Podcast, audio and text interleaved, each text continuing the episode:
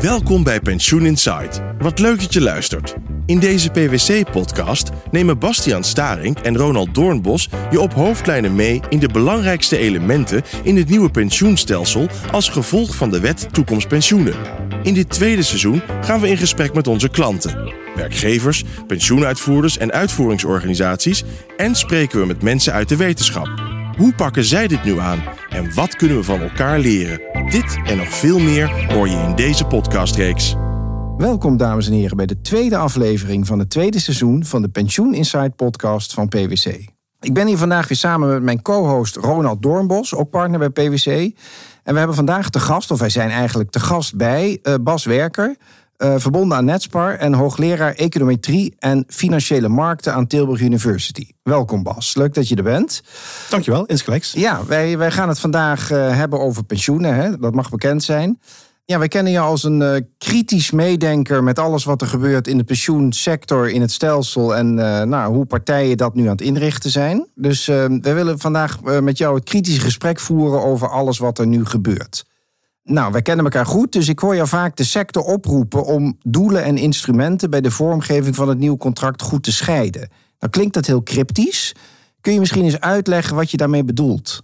Zeker. Ik uh, denk dat het goed is om dat uit te leggen aan de hand van eigenlijk het oude stelsel, het FTK. We zullen het dadelijk ongetwijfeld nog gaan hebben over het nieuwe stelsel en flexibele en solidaire premieregeling. En dan komt dat weer terug, maar met andere instrumenten en uh, misschien met dezelfde doelen. En als illustratie, uh, ik kan me herinneren dat ik één keer een website gezien heb van een uh, pensioenfonds. En daar stond op om de deelnemers te informeren. Hier op deze site leggen we u uit wat de vijf belangrijkste dekkingsgraden zijn van het FTK.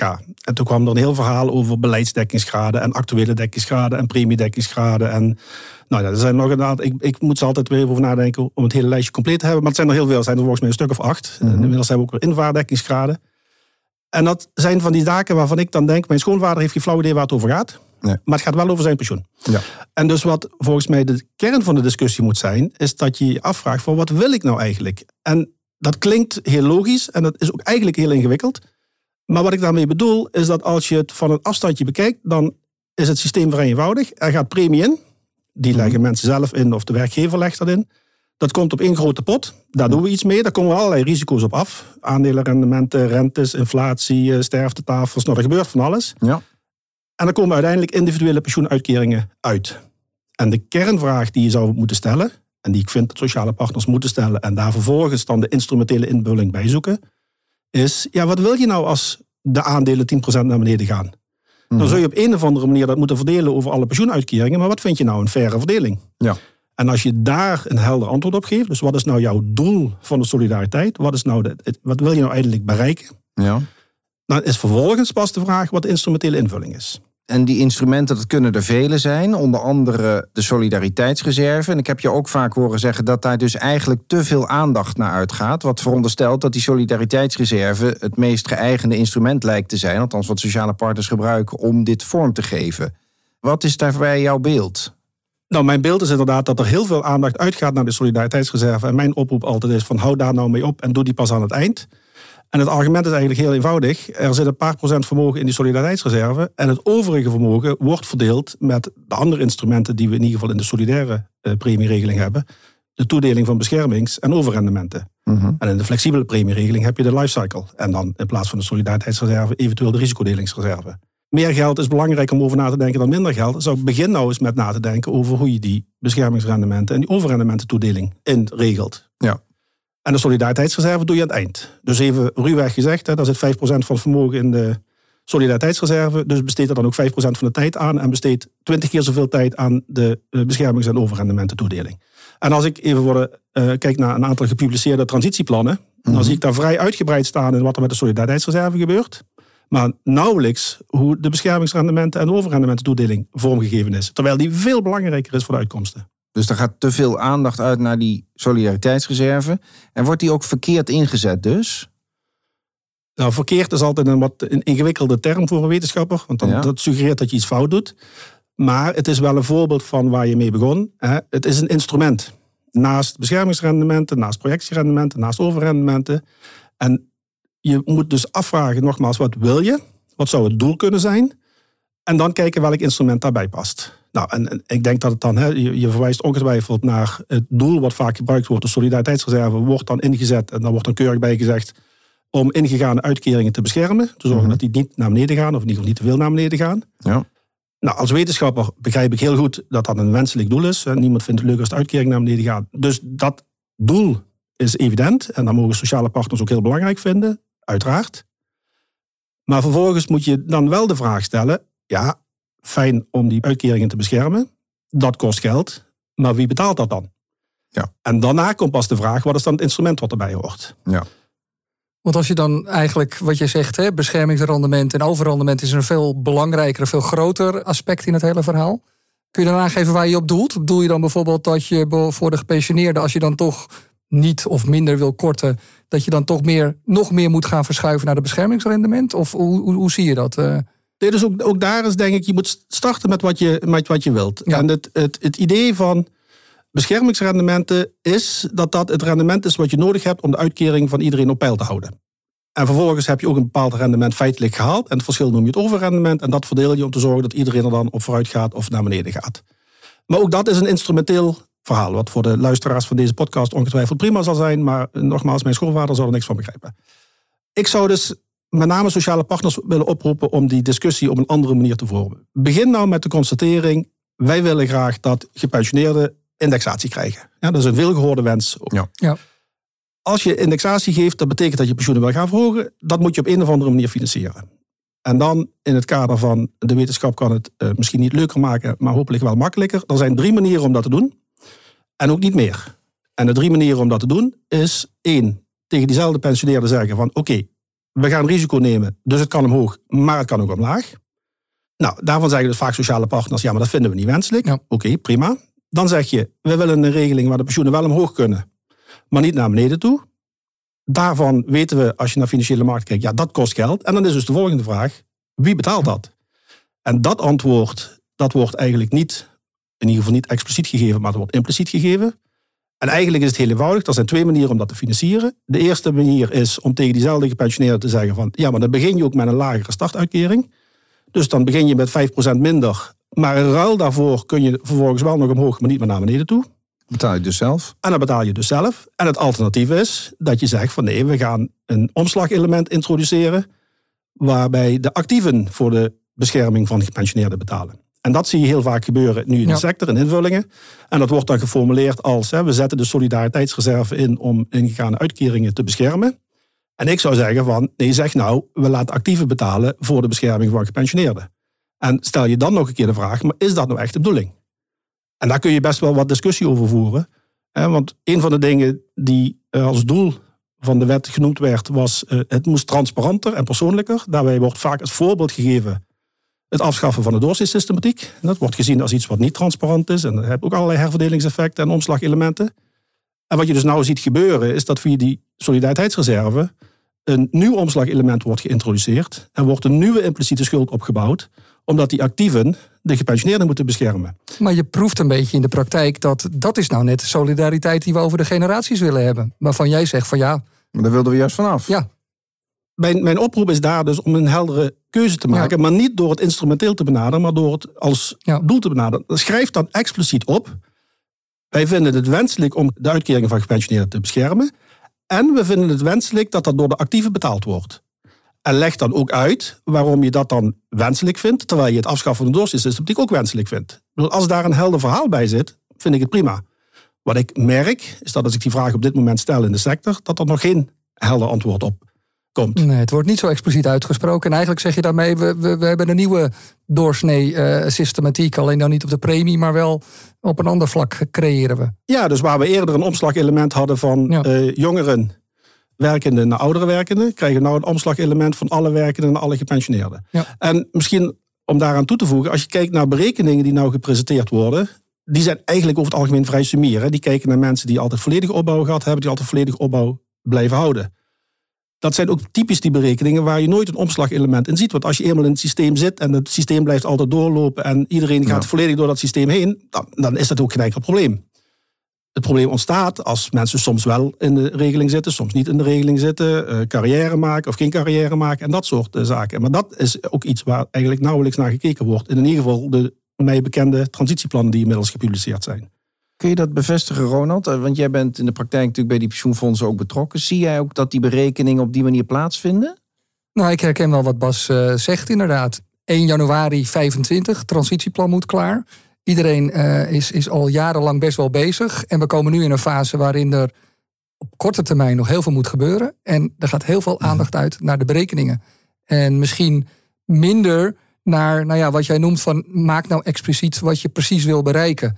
Ik zeg niet dat dat niet. Uh, het gebeurt natuurlijk wel uh, aan tafels. Maar ik merk wel dat de berekeningen echt uh, de overhand nemen. En die zijn ontzettend complex.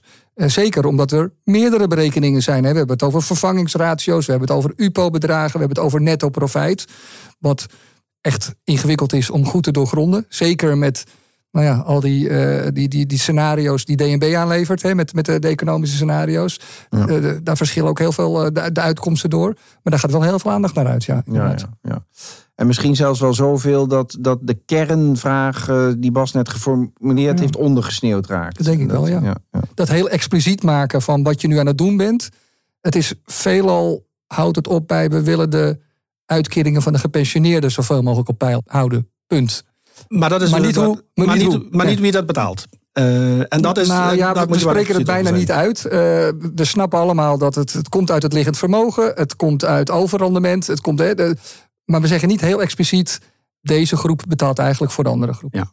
En, en misschien qua berekeningen om daaraan toe te voegen. Als ik zelf, ik begeleid natuurlijk een heleboel studenten die allerlei berekeningen doen. En mijn oproep aan studenten is altijd, en het zou goed zijn in, in de sector hetzelfde misschien te, te hanteren. Ik zeg, je begrijpt pas iets als de berekeningen, je intuïtie en de, de, de uitkomsten die je ziet op basis van de formules die je opschrijft, als dat, als dat drie keer hetzelfde oplevert.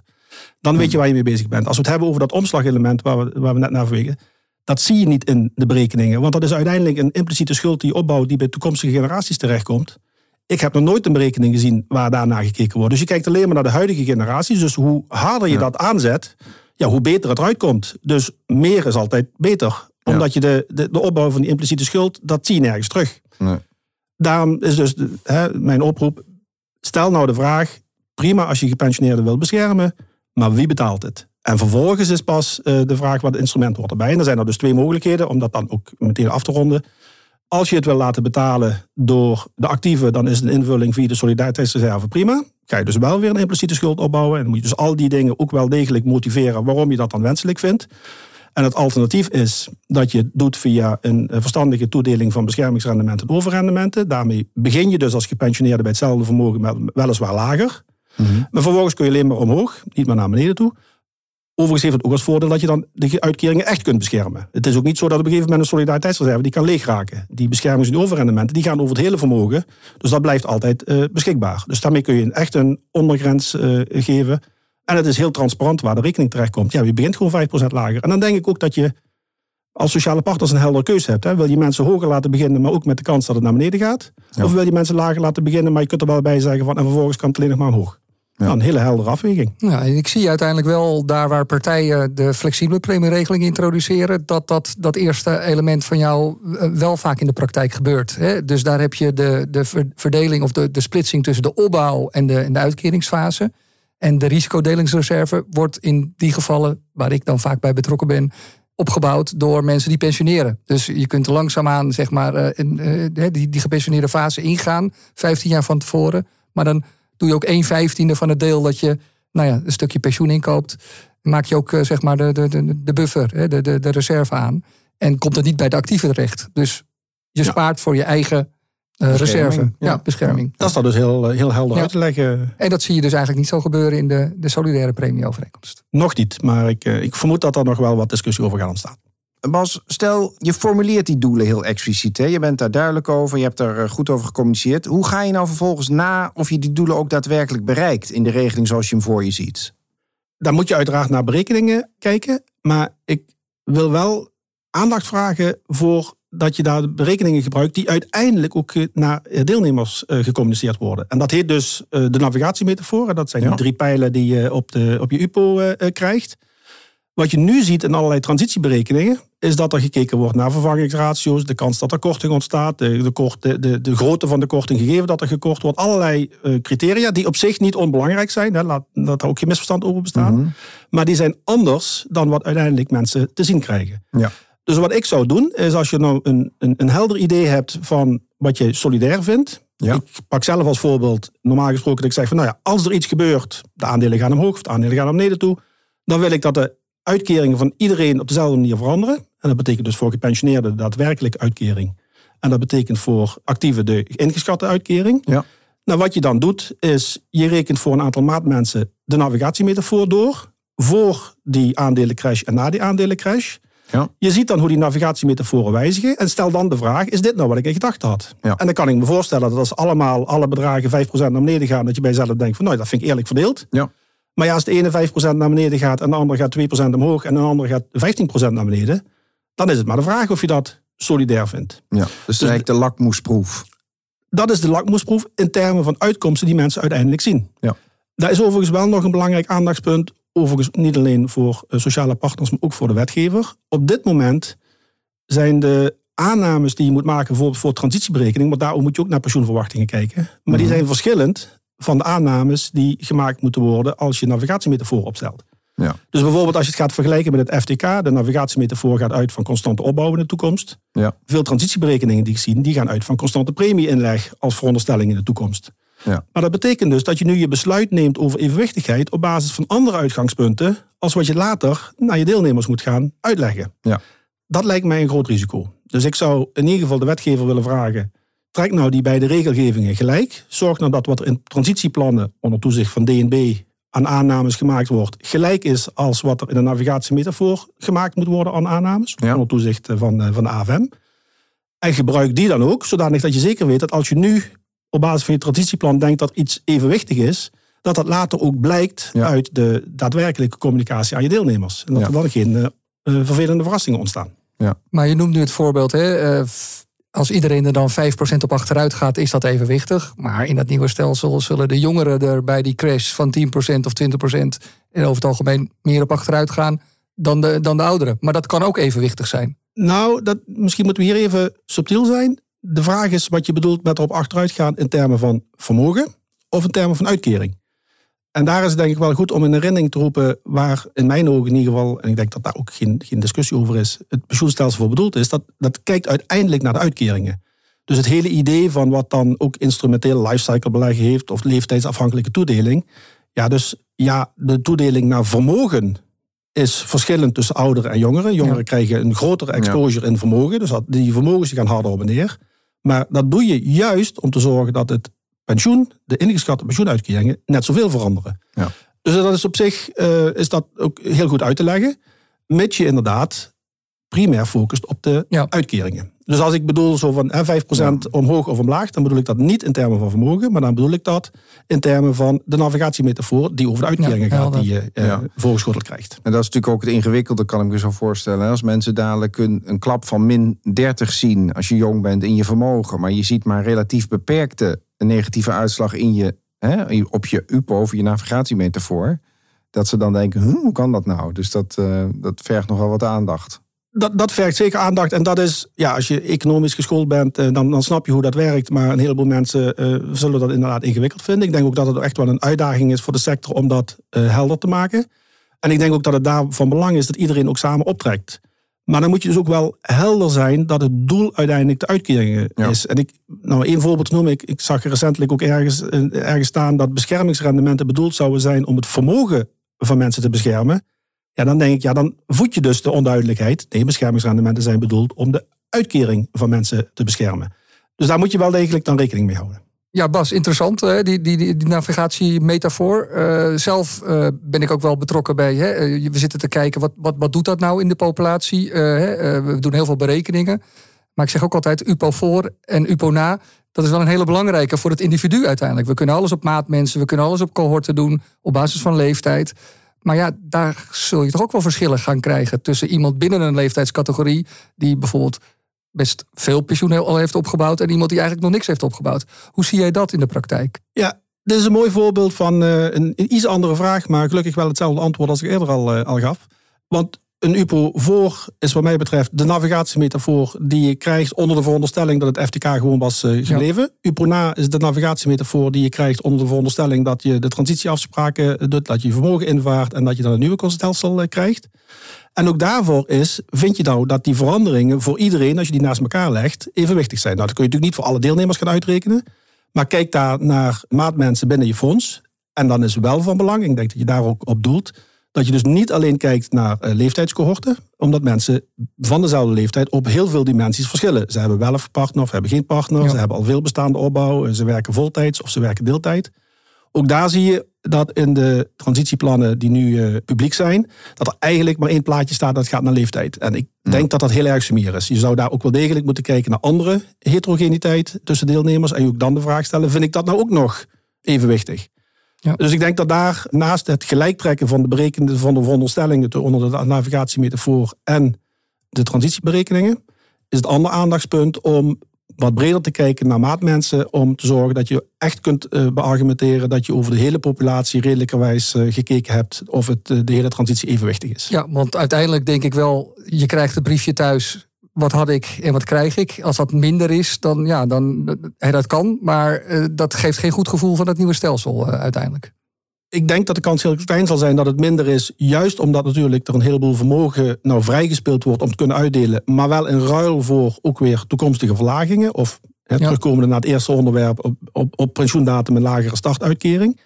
Maar ik denk ook dat uiteindelijk mensen prima zullen snappen dat de, de, de, als het tegenzit financieel, ja, dan zullen pensioenen naar beneden gaan. De vraag is dus niet zozeer van kunnen we pensioenen op een bepaald niveau houden. De vraag is of je, als het naar beneden gaat, kun je uitleggen waarom jij 3% naar beneden gaat en Bastiaan 6% naar beneden gaat. En als je dat niet kunt uitleggen, dan denk ik dat je een probleem hebt. Ja. Oké, dankjewel. Nou, ik, kijkend naar de klok eh, kom ik tot de conclusie dat we aan het einde zijn gekomen van deze podcast. Tot slot, Bas, aan jou de vraag. Heb je nog laatste adviezen of aandachtspunten voor sociale partners of uitvoerders? Nou, ik denk dat we al heel veel eh, besproken hebben, maar eh, als ik dat in één regel kan samenvatten, zou ik zeggen iets minder rekenen en iets meer nadenken. Kijk, dat is een mooie uitsmijter. Dankjewel. Heel goed. Nou, daarmee zijn we aan het einde gekomen van deze aflevering van de Pensioen Insight podcast van PwC. Hartelijk dank Bas. Ronald ook bedankt voor uh, dit samen hosten. En uh, voor de luisteraar thuis uh, graag tot de volgende keer. Bedankt voor het luisteren naar deze podcast. Kijk voor meer informatie over pensioenen op de website van PwC en volg onze podcast in jouw favoriete podcast-app.